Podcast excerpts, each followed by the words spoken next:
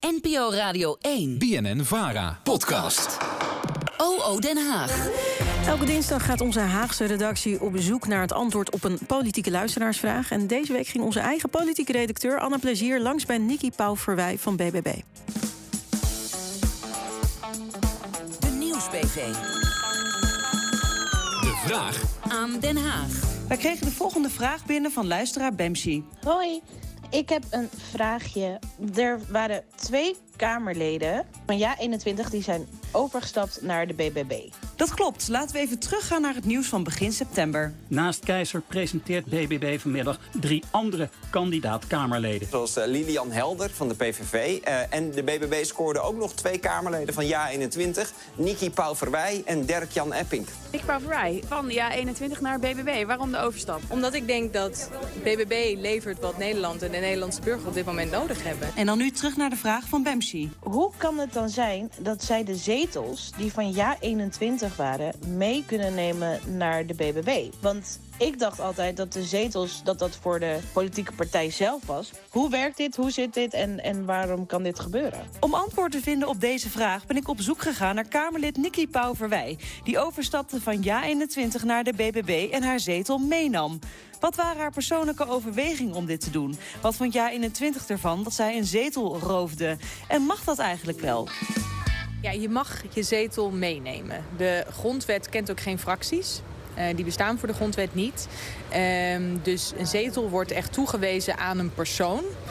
Dus je kan in principe op elk moment kiezen om de fractie eh, waar je in zit te verlaten. En dan kan je doorgaan als eh, afsplitser, dus zonder fractie. Maar je kan je ook bij een andere fractie aansluiten. Er zijn ook wel mensen die zeggen ik heb op ja 21 gestemd. Daar sta ik achter. Daarmee heeft u misschien ook heel veel stemmen ook wel gekregen. eh, omdat mensen dachten wij staan achter ja 21. Dus kun, kunt u zich voorstellen dat mensen dan iets hebben van... hé, hey, hoe kan dit? Is het niet een beetje verraad van de standpunten? Ja, kan ik me heel goed voorstellen. Ehm, ik moet zeggen dat ik er zelf ook wel heel erg over heb zitten twijfelen. Zal ik mijn zetel teruggeven aan de partij eh, of moet ik hem houden? En wat bij mij uiteindelijk de doorslag heeft gegeven is... eh, ik heb 16.000 voorkeurstemmen gehad. Ehm, ik vertegenwoordigde ook wel een heel duidelijk... eh, duidelijke flank binnen Ja 21. Ik ben meer van de conservatieve kant. En degene die mij op zou volgen was, is juist een progressieve liberaal. En dus dan komt er een heel ander geluid voor terug. Daarnaast hadden we op het moment dat ik opstapte nog maar drie maanden aan kamertijd te gaan.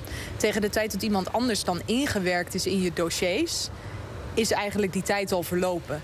Eh, dus heb ik besloten om de zetel toch te houden. Maar goed, het verdient geen schoonheidsprijs. Daar ben ik het mee eens. Want mensen hebben gestemd op Nicky Pauverwij van Ja21... en niet op Nicky Pauverwij van BBB. Ehm, dus daarom heb ik het ook wel lastig gevonden. Maar dat, dat is mijn afweging geweest. Ja, en hoe werd er binnen de fractie gereageerd van ja 21? Eh, wel met begrip. Ja, nee, dus ik had al aangekondigd dat ik niet door zou gaan voor Ja 21. Eh, mijn fractieleider Joost Eertmans eh, die had ook wel verwacht dat ik door zou gaan bij een andere partij. En die snapte ook dat ik eh, de zetel zou houden. Dus er is eigenlijk geen moment sprake geweest van dat hij vroeg van kan je de zetel teruggeven aan de partij. Hij, hij snapte dat wel goed. En wat vindt u van de term zetelroof die er ook op geplakt wordt? Ja, dan ga je ook meteen wel heel erg uit van een intentie. Alsof het voor mensen leuk is om zo'n zetel uh, uh, mee te nemen en af te splitsen. En ik heb dan het geluk dat ik dus uh, bij de BBB aan kon sluiten. Maar als ik dan bijvoorbeeld kijk naar Pieter Omzicht of naar Wieberen van Haga... die allebei ja, toch wel noodgedwongen, zou ik willen zeggen, afgesplitst zijn van een partij. Zelf heel erg veel stemmen hadden gehaald en dus voorkeurszetel hadden. En nu als afsplitser in de Kamer zitten. Dat is echt niet fijn hoor. Want, Want je hebt veel minder rechten, toch? Uh, je krijgt veel minder geld, je krijgt minder spreektijd. Je wordt echt op alle mogelijke manieren wordt het werkje moeilijker gemaakt. Terwijl, ja, dit zijn wel twee mannen die hebben echt hun zetel ruim verdiend. Dus eigenlijk zit je, om het even zo te zeggen, als ZZP'er in de Tweede Kamer. Het is jouw kamerzetel, eigenlijk 150 uh, losse mensen. En die kunnen zich dan verenigen in een fractie. Dus bijvoorbeeld de fractie van de PvdA, de fractie van de BBB, de fractie van de VVD. Um, maar de zetel is van hen. Eigenlijk wel, ja. Zo is het oorspronkelijk geregeld. En nu is het natuurlijk hè, wat anders met dat van tevoren al heel erg duidelijk is wat de fracties zullen zijn. En dat mensen zich echt aansluiten bij een partij en een programma. Maar oorspronkelijk is dit inderdaad hoe het ooit vormgegeven is. Nou, heel erg bedankt voor uw tijd. Ik heb u van een borrel afgeplukt. Dus uh, ik zal u weer de vrije tijd teruggeven. Dankjewel en bedankt voor de interessante vraag.